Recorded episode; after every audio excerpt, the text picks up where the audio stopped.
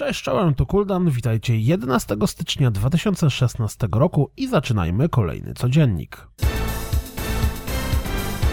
Klaus, platformer inspirowany Super Meat Boyem i Megamanem, jak również Limbo czy Thomas Alone, otrzymał premierowy zwiastun i datę premiery. W grę zagramy 19 stycznia. Atracjo, czyli logiczne FPP przewodzące na myśl trochę Portala, a trochę Quantum Colundrum, otrzymał również zwiastun prezentujący rozgrywkę. Nawet jeśli nie gracie w League of Legends, to warto obczaić filmik zapowiadający nowego czempiona.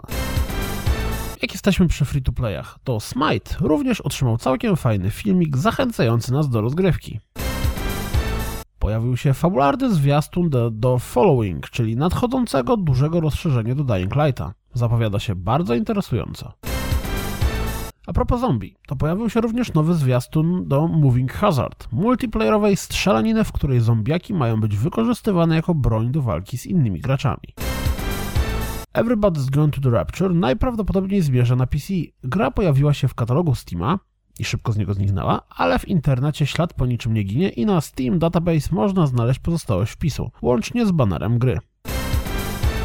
We francuskim internetowym Leclercu pojawiła się The Witcher 3 Wild Hunt Enhanced Edition, więc być może, tak jak pierwsza i druga część Wiedźmina, również trzecia dostanie edycję rozszerzoną.